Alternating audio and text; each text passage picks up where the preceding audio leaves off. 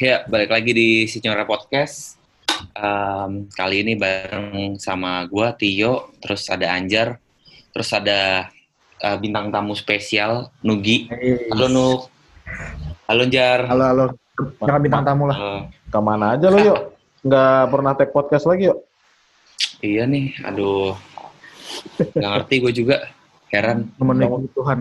Tentang Bener kalah sama Merda.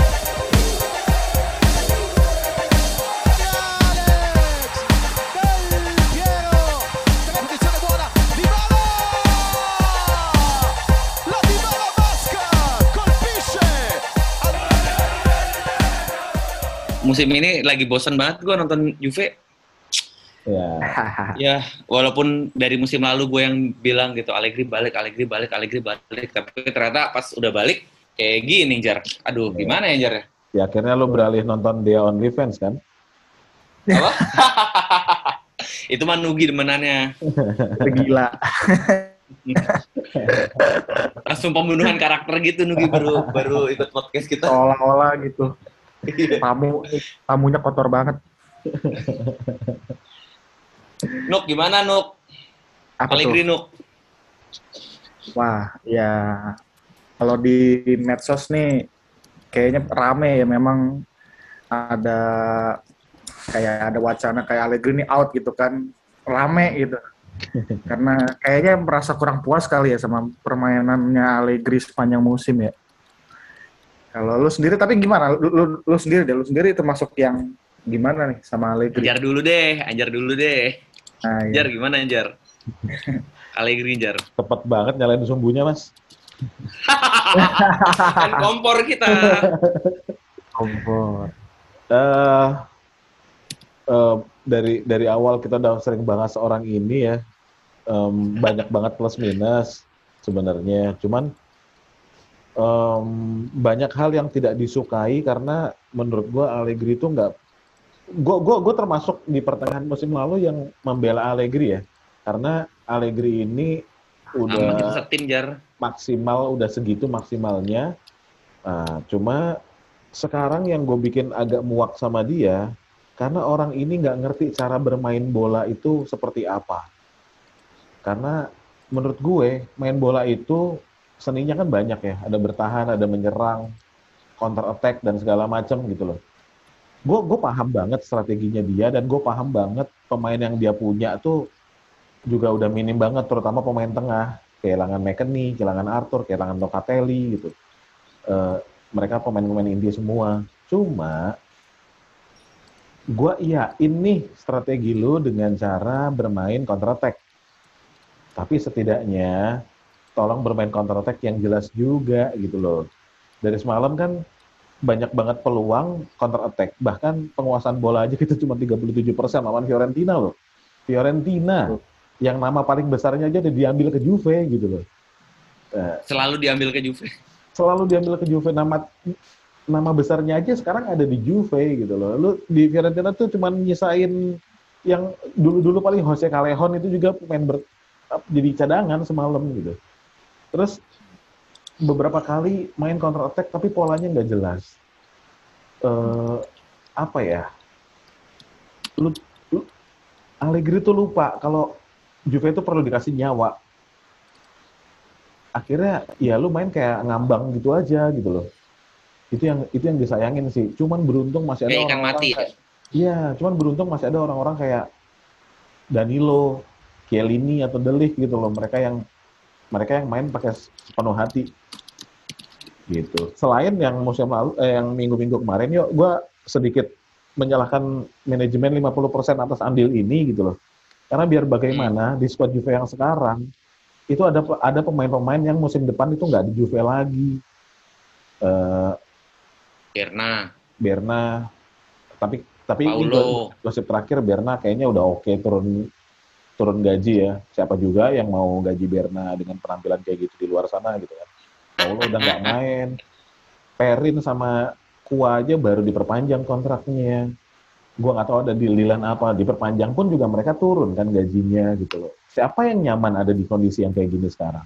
Dan kenapa baru sekarang di penghujung tahun gitu loh? Pemain juga kalau udah dari awal setahun sebelumnya gitu pemain juga punya waktu buat nyari tim lain minimal gitu. Tapi kalau tinggal sisa berapa minggu sebelum match kelar terus lu harus pindah lagi, apalagi sekarang kan eh, musim kayaknya jalan duluan ya gara-gara Piala Dunia di Qatar 2022 Desember.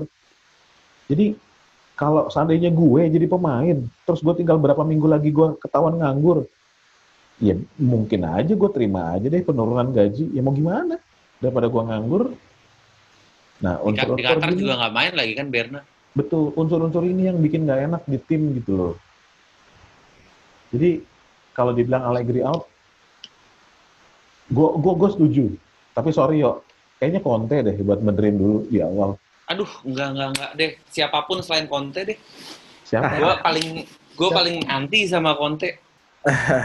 Karena yang pas pertama cara keluarnya tuh nggak baik-baik banget gitu loh. Kayak Iya, mau ya balik lagi sih lu mau sehebat apa pun kalau attitude lu nggak bagus ya gimana ya? Eh, ya kayak Mourinho deh, dia kan terkenal pelatih jago gitu ya, tapi Hmm. attitude-nya nggak bagus, akhirnya selalu ribut sama pemain kan. Hmm. Tapi Ya, gue sama Conte nggak subjektif ya. Karena kalau kecuali dia begitu di Juve doang. Ternyata dia begitu di Inter, di Chelsea, dan mungkin dia akan begitu juga di Tottenham nantinya gitu. Jadi emang tabiatnya aja orangnya kayak gitu gitu loh. Jadi gue nggak nggak sakit hati sih dengan kelakuannya dia. Oh, gue masih sebel sih sama dia. Lu gimana, Nuk? Kalau gue ya ya sebenarnya gue secara garis besar gue sangat setuju sama yang dibilang sama Mas Anjar sih.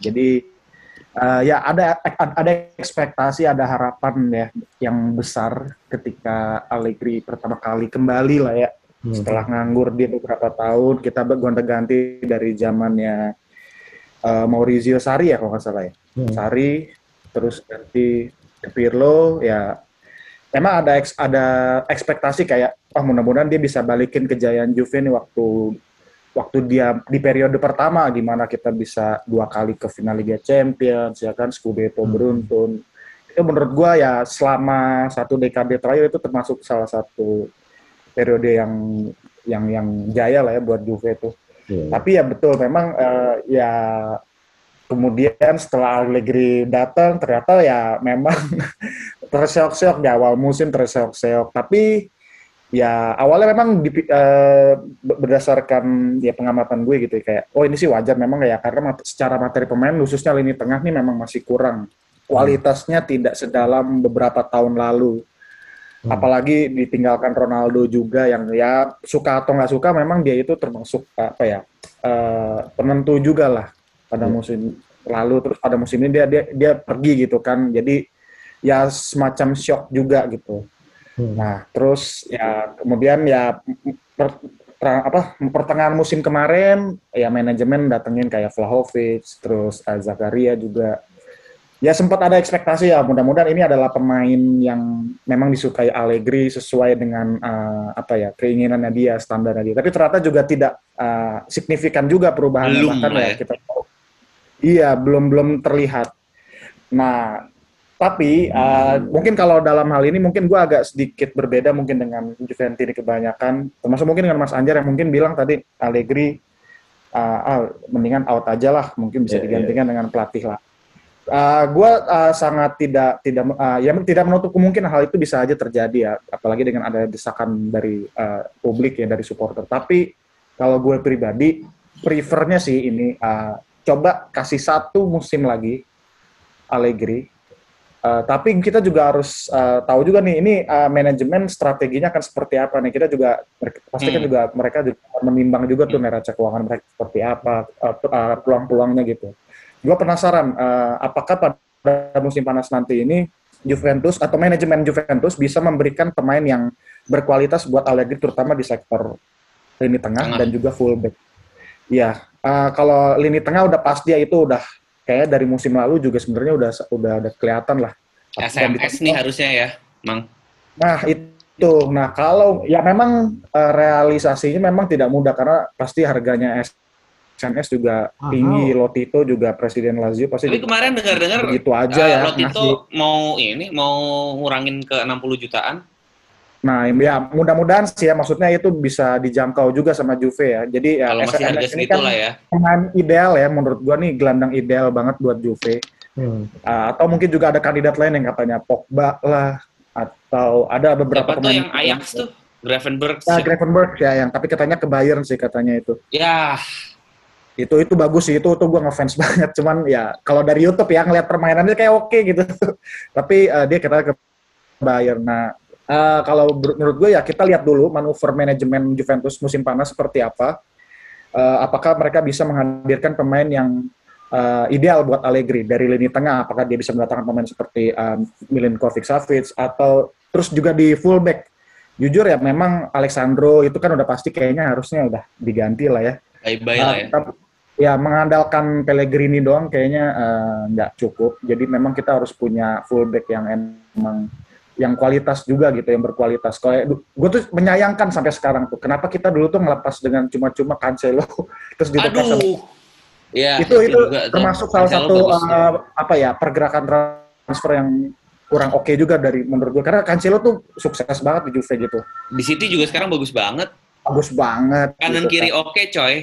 ah itu dia kan yo makanya gue tuh ya sebenarnya oh, mungkin orang-orang Juventus ini kebanyakan wah ini tengah kita nih kurang nih ya betul itu betul itu udah mutlak tapi kita juga jangan lupa fullback itu juga kita uh, sangat kekurangan kalau dari segi lini belakang kayak mungkin uh, ya Delik Bonucci udah oke paling kita nggak tahu nih Ciel ini apakah Apalagi kalau Demiral balik ya. enggak. mungkin tinggal kalaupun pensiun ya Ya Dia betul. tinggal Nah, tarik tapi mungkin dia Demiral kandidatnya bisa kita mungkin nanti andelin si Gatti itu, si Gatti yang dari Frosinone ya, lupa ya gue. Pokoknya si Gatti itu tuh. Itu mungkin bisa jadi uh, suksesornya Cielini ya mungkin. Atau Kalau mungkin lini ini depan juga udah ya. oke, tinggal supportnya aja. Rugani Gimana buat sekedar backup juga oke ya. Lumayan. Masih oke menurut gua, not sekedar bad. backup not ya. Paling kalau mau fokus ya tuh di fullback, cari fullback yang mungkin bisa mungkin ya bisa main kayak Cancelo atau mungkin kayak Dani Alves dulu misalnya gitu ya. Hmm. Iya, iya. Ya itu sih. Kalau gua sih pak pengennya backnya Udinese itu si Nahuel, si Nahuel itu tuh yang orang Argentina. Itu Oh, menurut iya, gua mendekati Cancelo karena dari segi determinasinya oke. Nah itu bagus tuh. Dan katanya dia juga masuk radar Juve. Nah jadi makanya eh, kenapa gue bilang coba kasih Allegri satu musim lagi ya. Gue pengen tahu eh, kalau Allegri dikasih pemain yang udah ideal, apakah dia masih eh, apakah dia masih jelek gitu. Kalau emang masih jelek ya udah mutlak emang Allegri-nya memang bukan pelatih bagus. Kebetulan aja pas periode pertama squad Juve itu eh, kedalamannya bagus. Jadi ya secara keseluruhan pasti ya berprestasi gitu. Ya mungkin kalau kandidat ya kalau misalnya pun diganti mungkin Zidane bisa cocok gitu. Zidane mumpung lagi nganggur. Ah, ya mendingan Zidane deh daripada Conte. Iya, kalau Conte kan gue lihat dia kontraknya juga masih tahun 2023 di Spurs ya dan ya jadi dan kayaknya akan ada tren kayaknya dipertahankan juga sama Spurs musim depan. Meskipun ya sekarang mungkin ya dia nggak nggak berburu gelar juga, tapi kayaknya masih akan dipertahankan. Kalau paling mungkin misalnya Allegri lengser, ya Zidane. Gue sih pengennya Zidane. Gitu. Zidane atau enggak Desch, Deschamps? Deschamps ya dulu tuh juga pas ba- pernah bagus waktu bawa Juve promosi dari Serie B itu juga dia keren sih sebenarnya Deschamps. Tapi nggak tahu ya maksud Kalau Zidane tuh gue denger-denger dia ngincar pelatih kursi kepelatihan timnas Prancis kan dan eh Deschamps juga nasibnya ditentuin di World Cup ini kan. Jadi ya Iya. sebenarnya menurut gue pertahanin Allegri musim lagi untuk nunggu salah satu dari dua pelatih itu no problemo sih, ya nggak sih? Iya betul betul. Ya intinya sih pokoknya musim ini ya kenapa bisa suwe banget Juve ini satu ya memang tidak punya fullback dan uh, lini tengah yang bagus gitu kan. Dan kedua persoalan cedera. Seandainya mungkin Chiesa ada sekarang mungkin hasilnya uh, strategi yang dimainkan Allegri pun akan berbeda juga mungkin ya. Uh, mudah-mudahan sih maksudnya ya musim panas atau ya nanti musim baru nanti Chiesa udah benar-benar sembuh dan ya berdoa aja lah biar biar nggak ada badai cedera kayak musim ini gitu. Ini kayaknya aduh Dan parah. jangan- tahu ya kita mau dan- nyalain siapa apakah J Medicalnya atau gimana kita juga nggak paham juga sih. Dan dan jangan lupa mang eh, ya manajemennya juga menurut gue musim ini emang bener-bener lumayan ini ya, lumayan ngaco ya.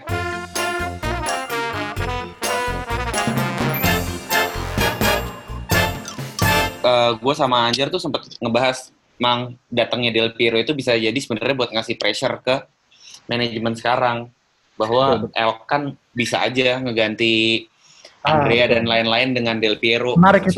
Ngomongin Elkan menarik. Gimana, Mang?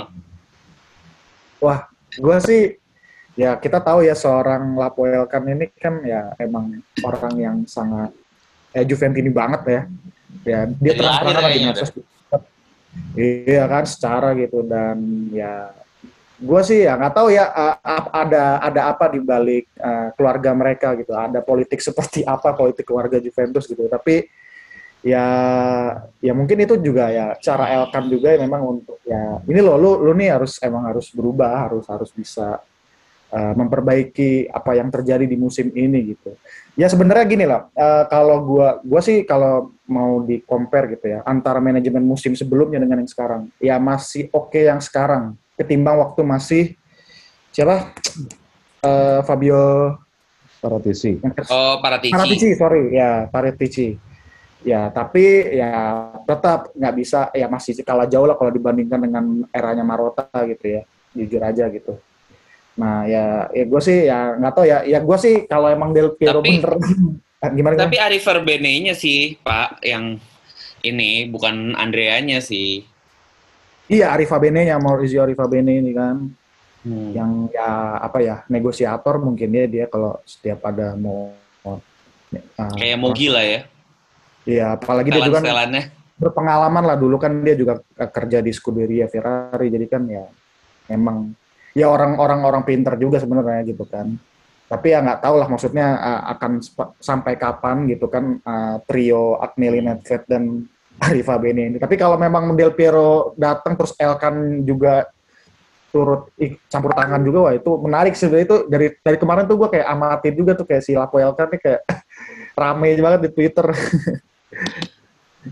Eh ini malah ma- gua tapi gue sih mikir mang kalau misalkan si Andrea Agnelli ini masih ada dan manajemennya masih kayak sekarang, bener kata lu, Agnelli eh, apa eh, Allegri nggak usah diganti.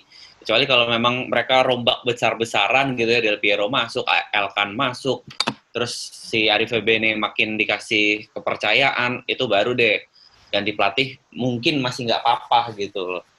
iya iya iya betul betul Eh, betul ya Karena paling sekarang siapa sih pelatih yang bisa ngikutin eh, egonya Andrea Agnelli selain Massimiliano Allegri? Betul, betul. Kalau Conte udah pasti dia akan berseberangan karena ya, ya Conte dulu kan pernah minta request pemain ini, pemain itu terus akhirnya tidak diwujudkan sama Agnelli kan. Dan Marota juga pastinya. Dan akhirnya ya gitu. Dan di Inter pun kejadian sama Marota juga ya dengan alasan yang memang ya namanya klub Italia ya. Hmm. eh, bersusah payah juga gitu kan ya kira gitu ya itu emang kejelekan Conte di situ ya di semua klub pun dia begitu tidak hanya di Juve di Inter gitu ya mungkin juga benar katanya bisa aja di Spurs terjadi juga tapi kalau ngelihat kondisi finansial Spurs sih kayaknya masih oke sih Spurs tuh punya duit. Kaya itu mereka sebenarnya. Duit. Oh, iya. Kaya mereka. Nok, gua tuh tadi mereka. pikirin teori kalian yang kenapa Allegri nggak kenapa Allegri tuh nggak dibiarkan satu tahun di situ terus kalian tiba-tiba langsung mikirin eh, nyebutin beberapa nama-nama pemain pemain yang eh, kira-kira potensial untuk direkrut Juve. Sebentar, pertanyaan gue Iya. gini. Kalau nantinya Allegri cuma dipertahankan satu tahun, kenapa lu nggak ngabisin uang buat beli pemain yang dimau Allegri? Yang nantinya di musim kedua lu akan ganti dengan pelatih lain misalnya. Kalau kalau itu pun kalau kalau Allegri-nya sukses ya, kalau Allegri-nya nggak sukses kan akan diganti gitu. Tapi kalau Allegri-nya sukses ya mungkin satu itu. Kedua, em, gua terkesima loh pas kemarin ngelihat Juve kalah lawan wasit. Inter. Sorry sorry, Eh, gua gua bilangnya lawan wasit ya karena Merda biasa aja main sebenarnya. Iya, iya, Udah, iya. Juve udah main bagus banget gitu loh sebenarnya. Allegri bisa bermain dengan cara seperti itu dengan pemain yang ada, dengan squad yang sama. ah ya ya ya, ya sih Kenapa Iya, iya, jalan iya. itu nggak lu pilih? Kenapa lu akhirnya Kayak nunggu kepepet dulu ya, baru mainnya kayak gitu ya. terus akhirnya keluar statement dia kan? Mendingan gue main jelek tapi menang daripada gue main berta main bagus tapi kalah karena efek omongannya pun nanti akan beda gitu loh. Tanpa dia sadari dia mau menang dengan cara jelek atau dia mau kalah dengan cara bagus, tet- tetap out out juga Allegri-nya gitu loh. Karena filosofinya dia tuh nggak jelas dari awal. Kecuali lu menyajikan, lu mempresentasikan sesuatu yang bagus. Akhirnya lu wujudin di lapangan, net, su- supporter atau atau Juventini akan percaya. Dan satu lagi yang bikin Juventini itu nggak percaya, lu masih punya peluang buat ngejar peringkat satu di liga. Karena ini Hmm. masalah konsistensi. Juve itu dari dulu terkenal konsistensinya. Lama-lama jatuh sendiri yang di puncak itu biasanya ya gitu loh. Cuman kenapa, aja udah mulai kelihatan, mulai ngendor-ngendor kan? cuman kenapa statement lu target kita peringkat 4? Nah itu yang bikin kepercayaan Juventini itu menurun gitu loh. Kalau lu dari awal nggak Ah. gerinta, kenapa lu paksa tim Juve buat gerinta? Kenapa Juventini maksa buat gerinta? Pelatih lu aja nggak minta timnya buat gerinta. Hmm, ya, ya. paham paham. DNA-nya Juve, makanya gue bilang Ju- Juve tuh nggak kayak nggak dikasih nyawa sama Allegri. Juve sekarang tuh Juve Juve internasional yang eh, 10 tahun lalu tuh namanya Merda gitu. Mainnya kayak gitu.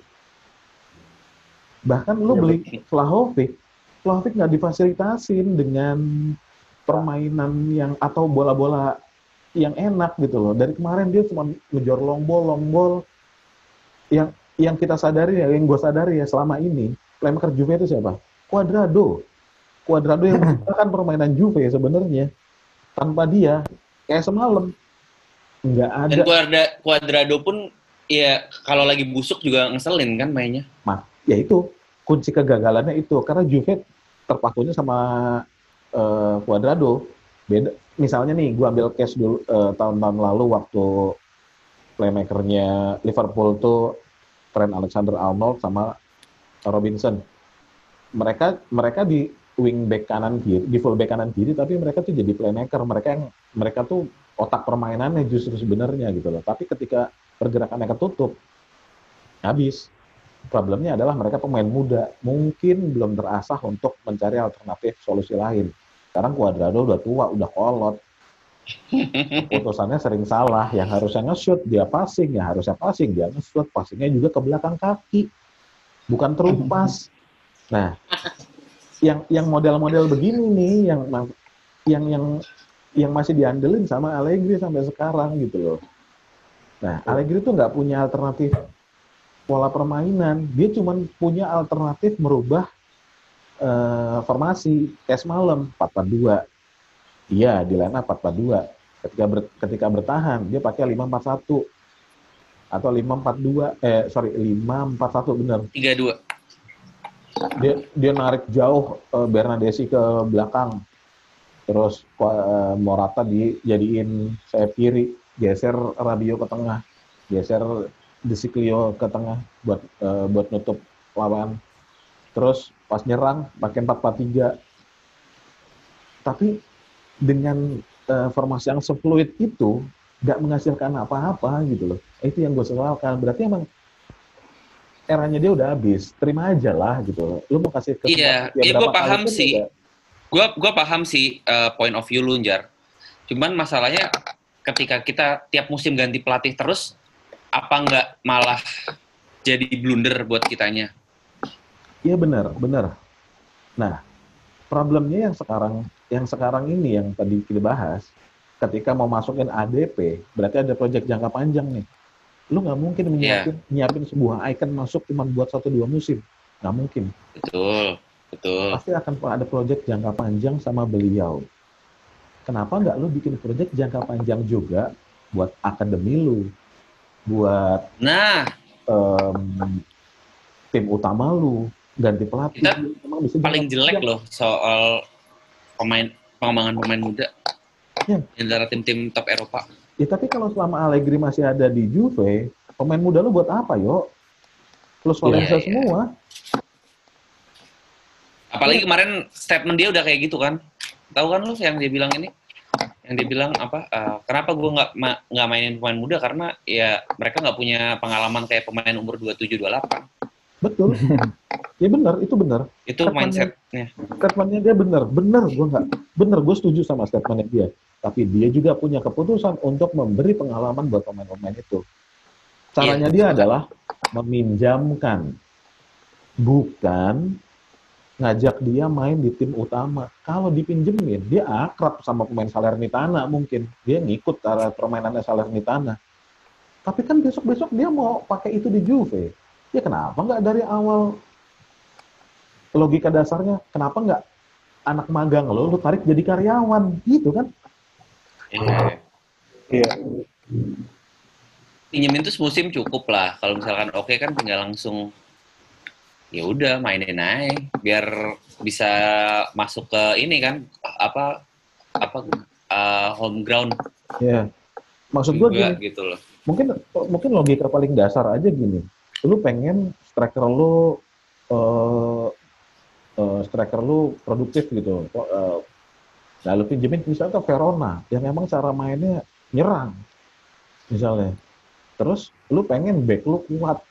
Ya lu pinjemin aja ke eh Bolonya yang emang cara mainnya bertahan. Ya kayak gitu aja sesimpel itu, tapi udah cukup semusim atau mungkin Iya setengah cukup musim. musim. Habis itu balikin gitu.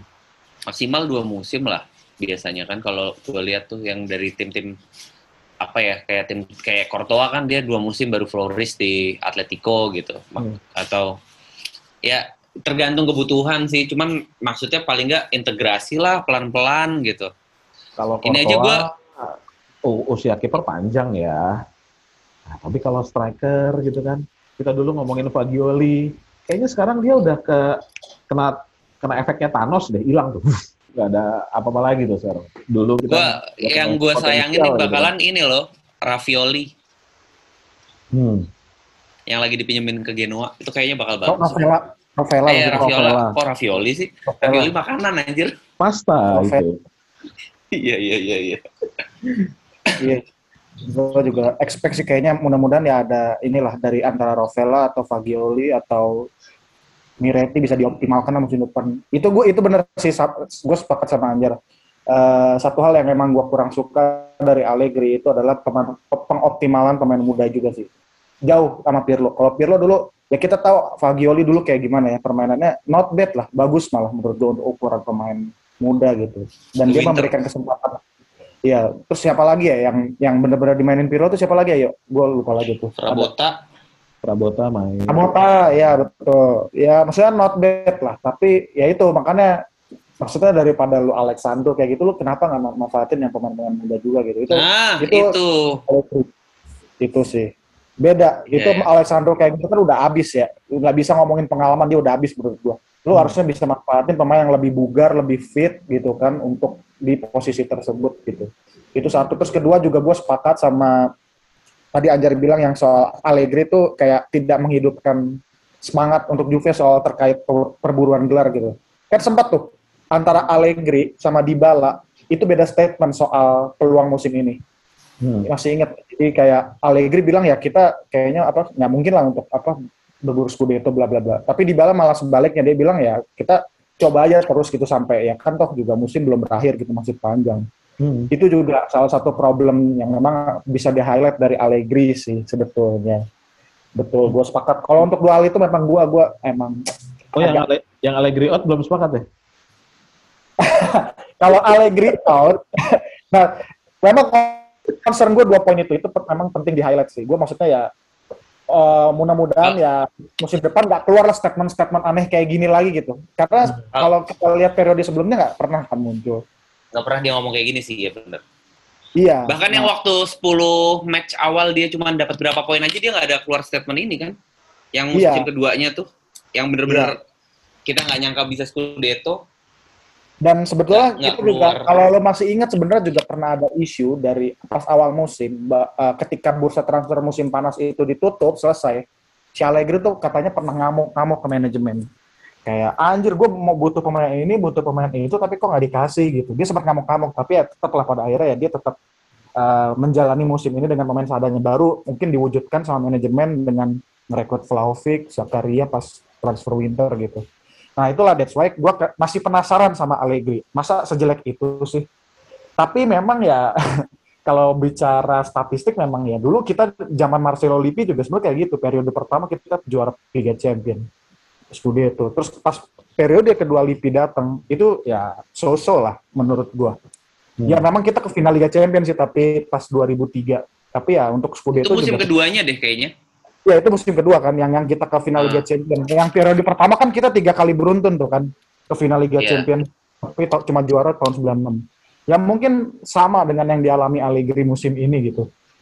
Ya makanya that's why gue maksudnya ya ya udah kasih satu musim lagi lah seperti mungkin halnya Lippi waktu tahun dia kan Lippi itu terakhir 2003 2004 tuh.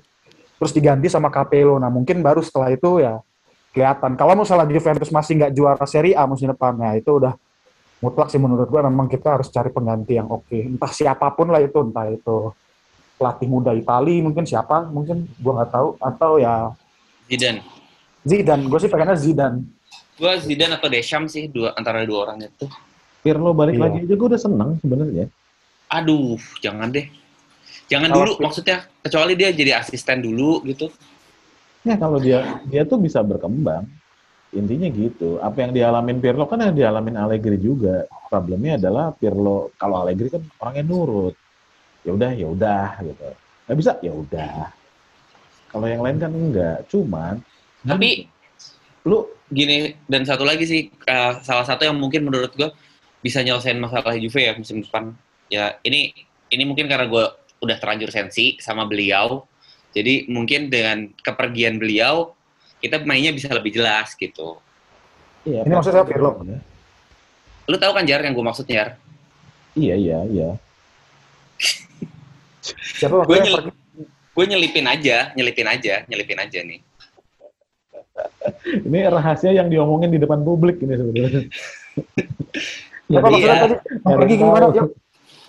Ada, jadi ada pemain nih. Dia dia cuman bisa main di satu pemain yang di satu posisi doang bagusnya. Jadi bikin enigma di tim gitu loh. Jadi kayak formasi tim, strategi tim nggak bisa nggak bisa maksimal gara-gara dia cuman bisa main di satu posisi itu. Gitu. Iya. Disebut lagi. Iya, disebut lagi. Tapi ya itu menurut lo gimana kalau Dybala? Lo dengan pro kontranya gimana? Maksudnya keputusan manajemen nggak lanjutin? Gua gue setuju banget di Bala nggak diperpanjang kontrak karena dia minta gaji yang dengan dengan gaji yang sebesar itu gitu ya dan kontribusinya yang angin-anginan dia lebih sering cedera juga terus dia juga cuman bisa main di sebagai second striker gitu dia dijadiin playmaker apa dijadiin trequartista juga tanggung main di sayap nggak punya speed buat itu. Bahkan kemarin sempat berapa kali dia gue lihat dia main di sayap dia malah drifting ke tengah mulu gitu loh. Dan ya menurut gue dengan kalau misalkan kita datengin eh ya misalkan Cuadrado kita jadiin sayap kanan gitu terus sayap kirinya Chiesa gitu terus kita datengin playmaker yang beneran gitu kayak Zaniolo mungkin atau SMS gitu gua rasa mungkin ya mungkin Hmm. bisa jalan gitu loh Iya, iya. Iya sih betul. Kalau di Bala ya gue juga sepakat sih kayak apa ya. Ya memang dia susahnya adalah dia idol bagi sebagian besar fans Juve, terutama cewek-cewek sih. Dan ya apa ya? Ya tapi ya gue juga menyayangkan juga emang dari si dari segi manajemen juga menurut gue juga harusnya lebih tegas. Nggak perlu dijual ngulur-ngulur aja. sebentar. Jual-jual, perpanjang, perpanjang sampai ya ini ya gimana ya? Ya tapi mudah-mudahan ya maksudnya di, di Bala juga udah legowo juga pasti. Kemarin ya. tawaran Pasti dari ya. Spurs lumayan loh terakhir loh cepet Hmm. musim Iya, lalu iya, sih iya. tapi musim lalu ta- ada tawaran dari Spurs cepet nggak dilepas sayang banget enigma dia itu Dia tuh ya karena cedera, cederanya itu juga sih sebenarnya. Loh, kacau. Cuman cederanya aneh-aneh. iya bener sih Infeksi Iya betul betul. lah. Ini apa sih gitu maksudnya? Kadang kan ada ini loh, ada white lies dari manajemen atau pelatih yang bilang kalau dia tuh cedera, pemain itu cedera padahal ini pemain emang diistirahatin atau lagi di suspend gitu misalnya. Itu udah atau umum ada lah. disipliner gitu Ya, itu udah umum lah. Kita ngelihat mereka tuh baik-baik aja, jalannya normal, bahkan dia ikut pemanasan gitu. Cuman ikut fashion week malah Cuman ya Iya, iya. emang emang dia udah sepatutnya dia udah hatinya udah bukan Juventus ya udah. Selain berarti selain SNS atau mungkin siapa siapa nih kira-kira yang Zaniolo Zaniolo Zaniolo. Oh. Tapi Zaniolo juga sebenarnya juga akutnya cedera juga sih. ACL iya sih At- atau cari sayap sih cari sayap yang buat di kanannya itu Jadi main main main flank Juve-nya. Bentar. Dengan formasi Oh, formasi pakai 4-4-2 nggak pakai flank ya? Ini ngomongin pelatihnya masih Allegri kan? iya Enggak, tapi Allegri kayaknya Allegri kan eh, periode pertama dia nggak pakai 4-4-2 juga, Jar.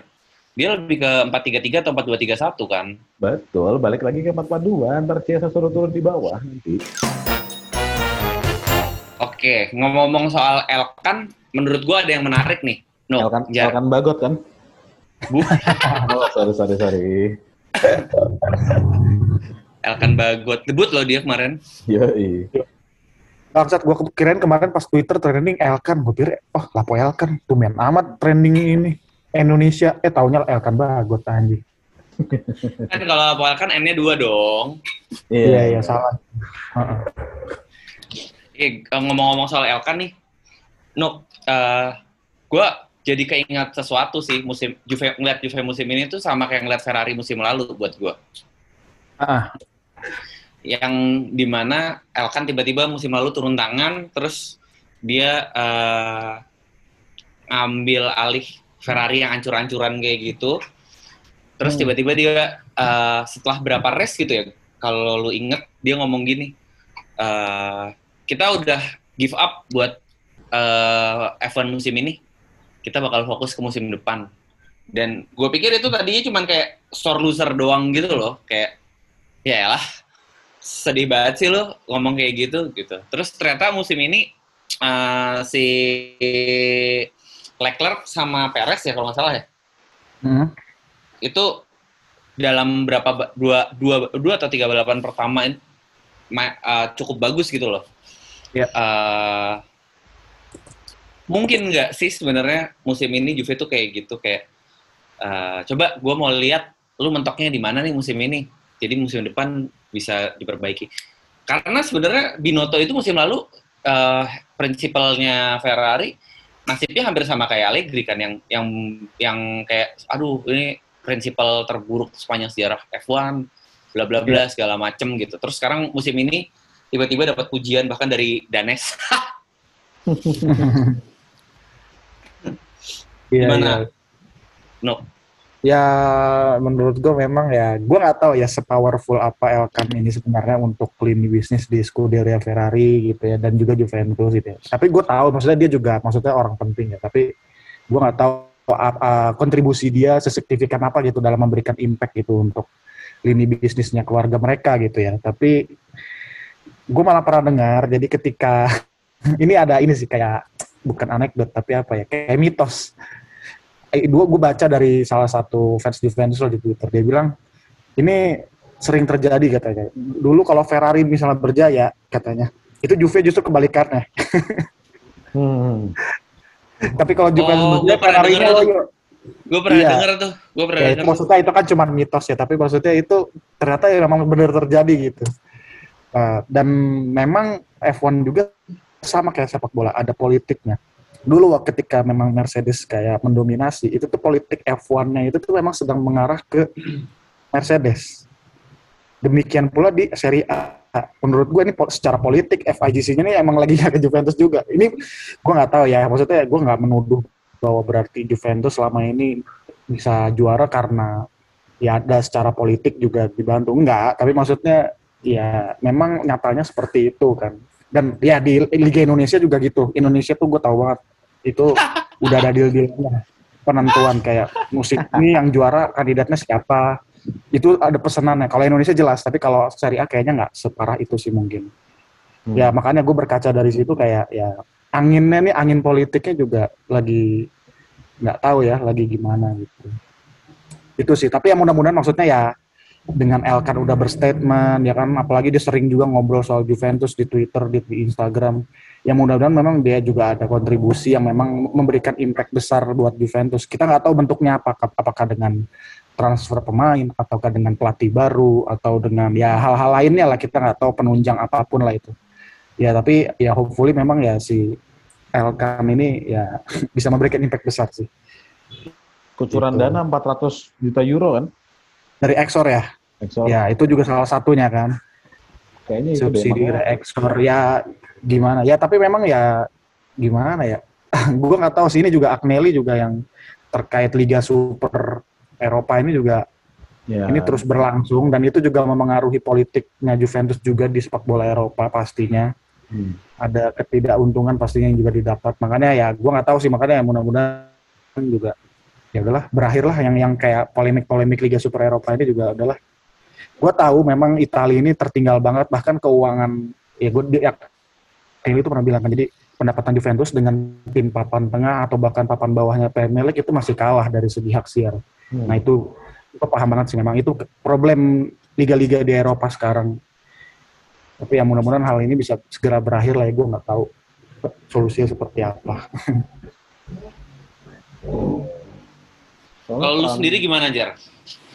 Iya kalau mungkin kalau gua nggak lihat itu dari sisi mitos ya, tapi mungkin ini kan dua bisnis besarnya ju, eh, keluarga Elkan ya, keluarga Hmm. keluarga Keluarga ini gitu lah. Terus kalau ya Ferrari di bisnis olahraga terbesarnya ada Ferrari sama Juve gitu.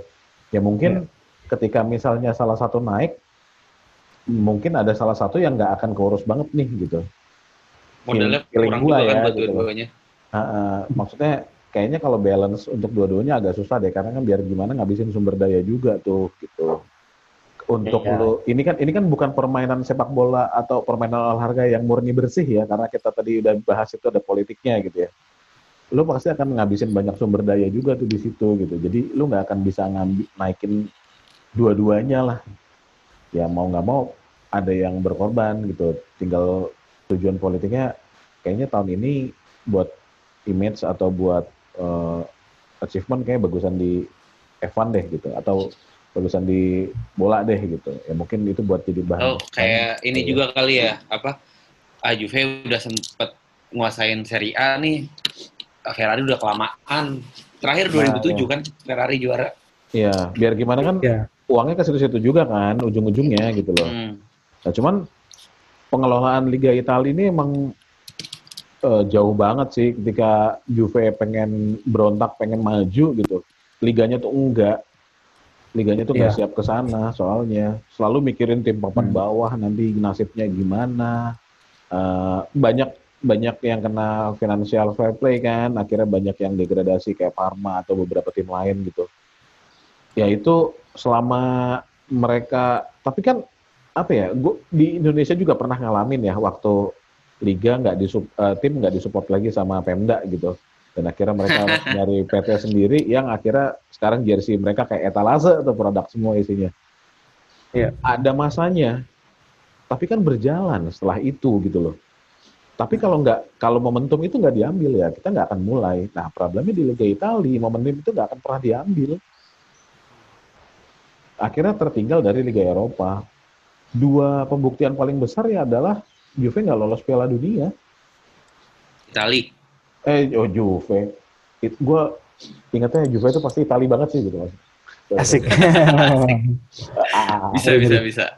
Nah, Italia nggak nggak lolos dua kali Piala Dunia. Image-nya FIG sih taruh di mana coba? Itu harusnya dia itu itu momentum harusnya dia bisa memperbaiki situasi yang kayak gini. Nah, Juve itu udah memulai ini dengan cara yang benar dan salah. Yang benar dengan cara dia membuat logo yang baru lebih modern dan mem- memperluas bisnisnya. Yang salah adalah ikut ISL. Walaupun sebenarnya gue setuju dengan sistemnya, cuman ternyata ISL tidak menunjukkan kesiapan yang benar-benar matang. Ternyata ya apa karbit banget gitu loh. Jadi Iya. iya nggak sih? Sampai Tahu akhirnya udah set, keguguran. set, set gitu kan.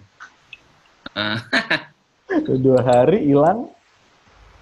Ya, iya makanya. Mungkin kalau udah mateng nggak masalah ya. Iya kalau udah jalan seharusnya sih ya itu bukan toh bukan ngeruk uang dari tim kecil kan gitu loh. Mereka mengalirkan uangnya mereka sendiri, mereka bikin platform lain gitu istilahnya gitu loh. Sebenarnya kayak podcast aja kan nggak harus semuanya di Spotify, ada di platform lainnya juga. Mereka mencoba membuat platform lain gitu sebenarnya yang memindahkan eh, mata penonton dari platform satu ke platform lain. Problemnya adalah para penguasa ini nggak siap nih kalau kuenya dibagi, kayak gitu aja. Hmm.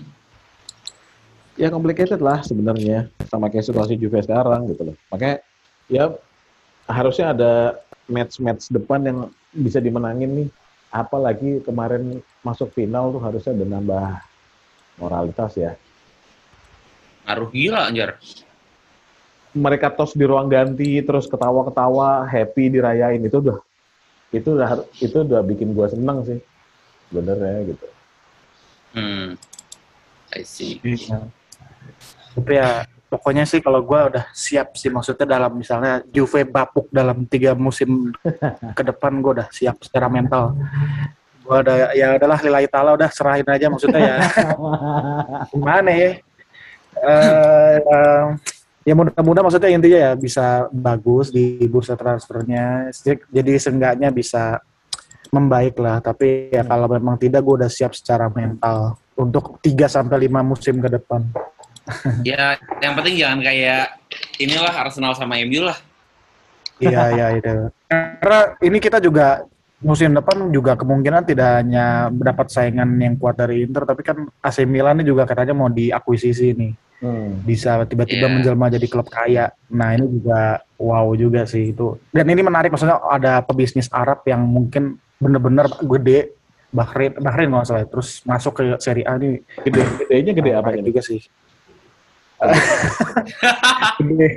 Sumber dananya kan, sumber dananya kan. sumber dananya maksudnya aduh iya nih salah gue jadi bingung ke mana jadi iya benar. Pokoknya kan kalau kalau di Liga Inggris sudah ada kayak City gitu kan PSG nah ini ada Bahrain nih masuk ke Milan. Nah ini wah apakah benar-benar Milan berubah jadi seperti PSG dan City gitu kan kita nggak tahu. Dan itu pasti tantangan tersendiri buat keluarga Agnelli yang pebisnis lokal gitu. Wah. Gue sih sebenarnya nggak takut, Nok. Karena keluarga Agnelli itu duitnya banyak sebenarnya.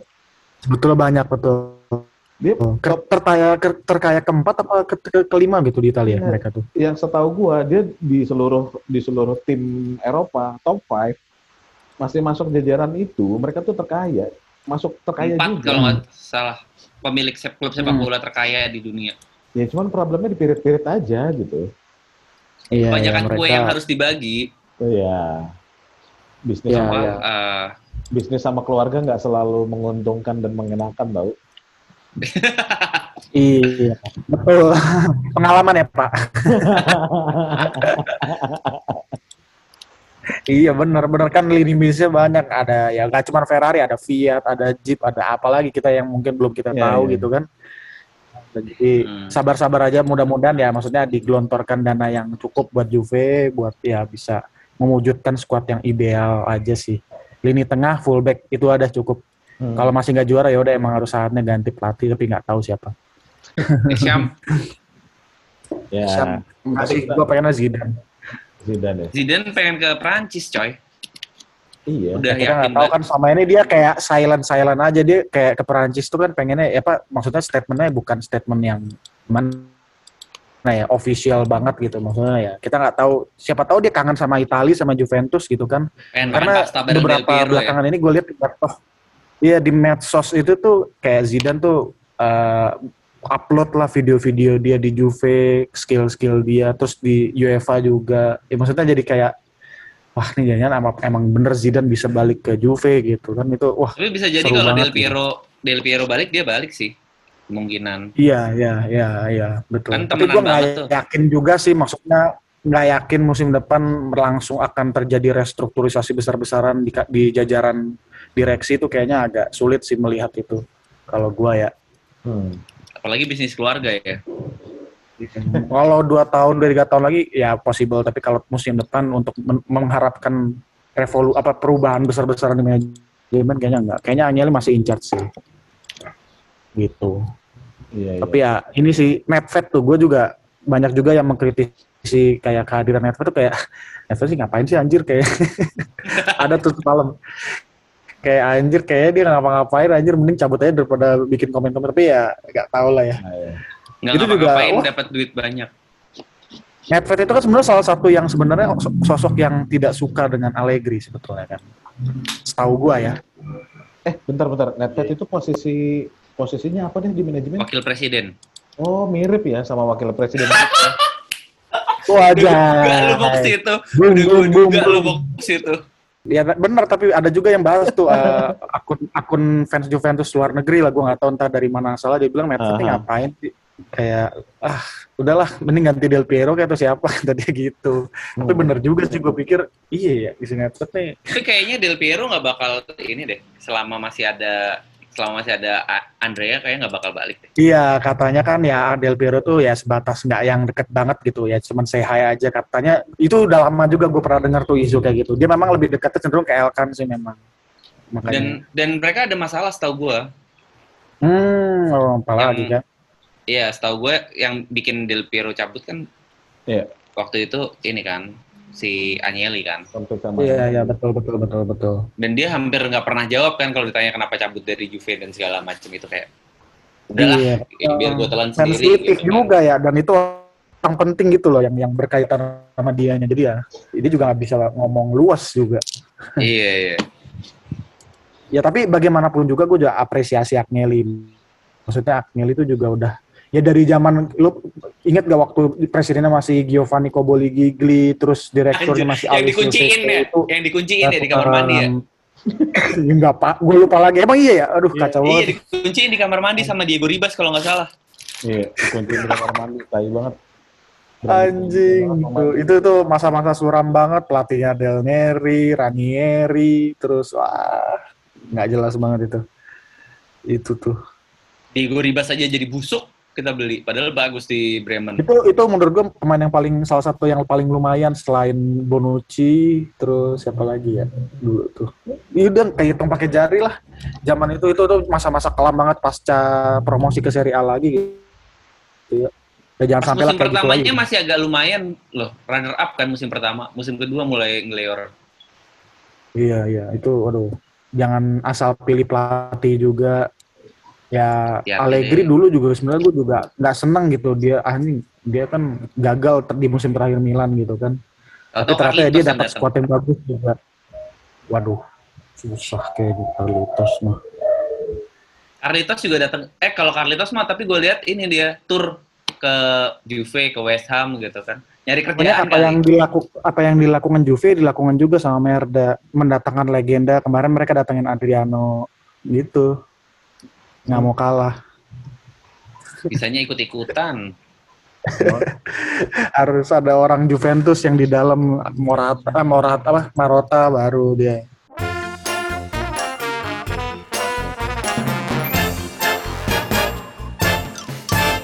Next match nih lawan Sassuolo. Peluangnya gimana guys? Sassuolo ini berat juga sih. Sassuolo nih apalagi ada ya pemain-pemain inceran Juve di situ. Berardi katanya mau Jadi- diambil ya. Aduh jangan deh gue ngeliat dia, dia permainan dia di Itali itu kayaknya aduh Dia mentalnya tempe deh kalau gua menurut tempe iya ya. Gue masih better Raspadori aja daripada atau Skamaka. ya Skamaka juga boleh. Tapi ya ini nanti akan depan sih nggak gampang juga buat Juve. Ya gue sih berharap Juve masih bisa dapat peringkat tiga lah seenggaknya dari lima pertandingan sisa ini. Tapi nggak tahu juga ya. Menurut lo tapi kan Scudetto masih ada nggak sih? Masih ada lah. Scudetto. Kemarin tuh masih ada, kemarin sebelum kemarin tuh masih ada, tapi sekarang kayaknya udah nipis deh. Bisa match-nya juga cuman Ini Juve besok lawan Sassuolo. Sassuolo juga trennya lagi nggak bagus-bagus amat kok. Milan Hmm, lagi tandang ke Lazio. Sama nih di weekend ini nih. Terus Merda ketemu Ah. Roma, menjamu Roma. Mereka juga lagi susah. kan nggak mungkin tapi tiga tiga nggak mungkin tiga tim itu ini tapi gitu loh jar maksud gua nggak mungkin tiga tim itu eh lima match sisa kalah gitu loh Iya, ya kan dibilang biasanya mereka tuh kepleset sendiri. Eh, Tiba-tiba Milan kemarin seri lawan Torino, itu siapa yang juga? iya. Yang pada yang begitu-begitu gitu loh. tapi kalau misalkan ini Scudetto tai banget sih Allegri sih Kalau Tai banget lah. Itu pasti Anjar juga bingung mau ngomong anjir. Eh, gimana ya? tapi juara. Enggak, enggak, gue tetap out. gua juara. Gua tetap out. Gua nggak perlu tapi pasti bilang.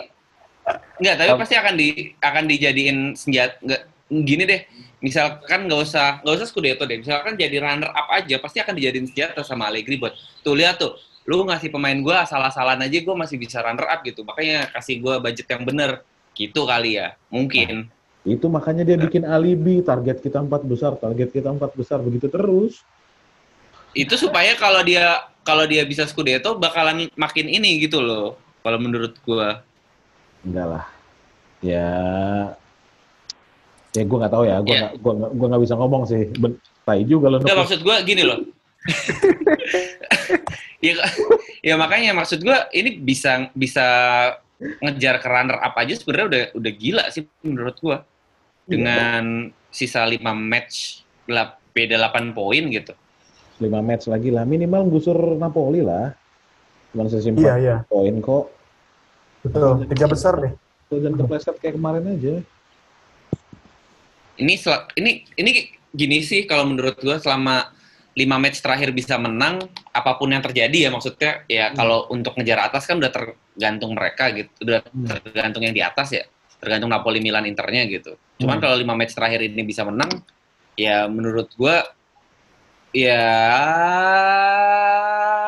kalau misalkan 5 match terakhir menang dan ya variabelnya banyak sih untuk Allegri stay dan out itu loh kalau buat gua karena karena ya kalau lu perha- kalau lu perhatiin kan dari tadi gua nggak nggak tegas Allegri out or stay kan Hmm. Iya, iya, iya. Lagi tadi yang gue bilang variabelnya banyak kalau selama manajemen masih kayak gini ya better Allegri stay lah dengan dengan manajemennya masih nggak jelas kayak gini kecuali memang ada ya kayak Del Piero balik dan segala macem eh ya itu baru deh silahkan deh ganti pelatih gitu cuman ketika masih ada Andrea Agnelli dan Nedved yang mereka punya ego-ego yang sama-sama besar gitu ya menurut gua ya dan balik lagi ya nama-nama kayak Pep Guardiola kayak siapa namanya Jurgen Klopp atau siapa pun itu gua rasa nggak akan mau nurunin egonya buat ngelatih di Juve gitu sih Kecuali bayarannya tinggi.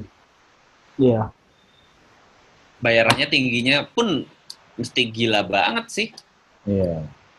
Ya, tapi lo bisa apa Allegri juga semalam kan ngomong tuh kan dia bilang ya dia ditanya lo ini lo masih akan stay atau enggak? Dia bilang dengan PD-nya kan dengan PD-nya dia bilang ya gue sampai tiga tahun ke depan gue masih ngelatih tim ini.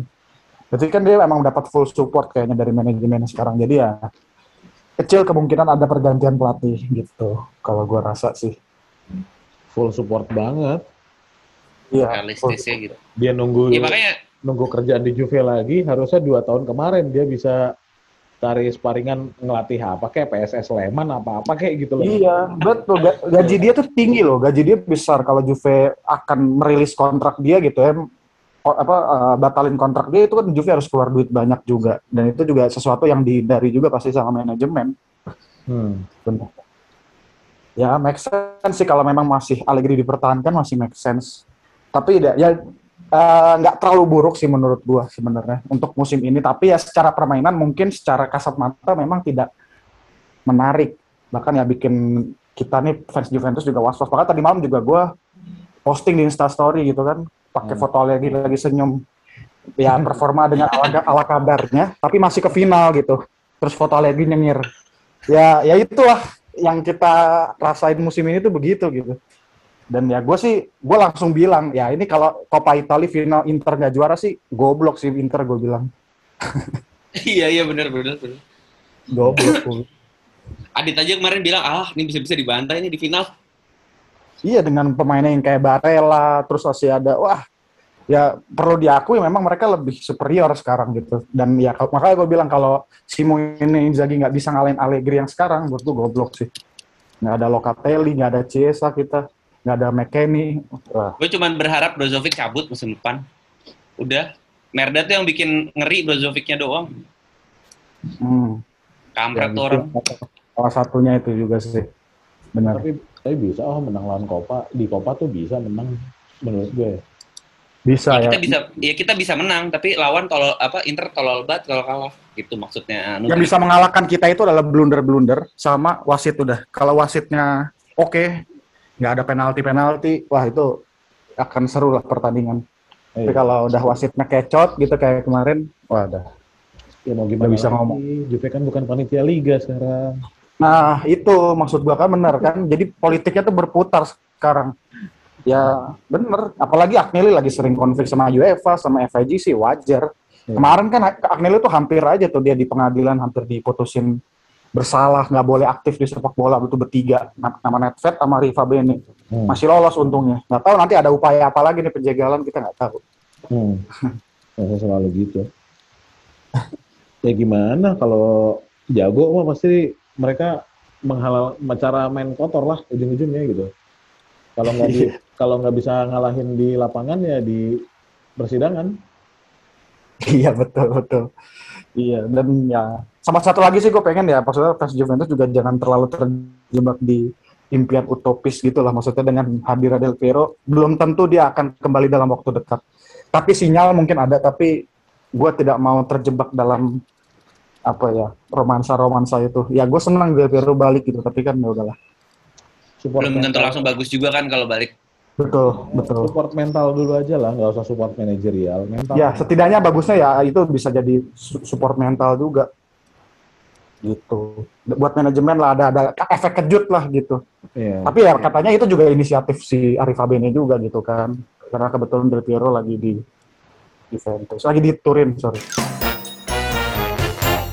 Oke, prediksi aja deh.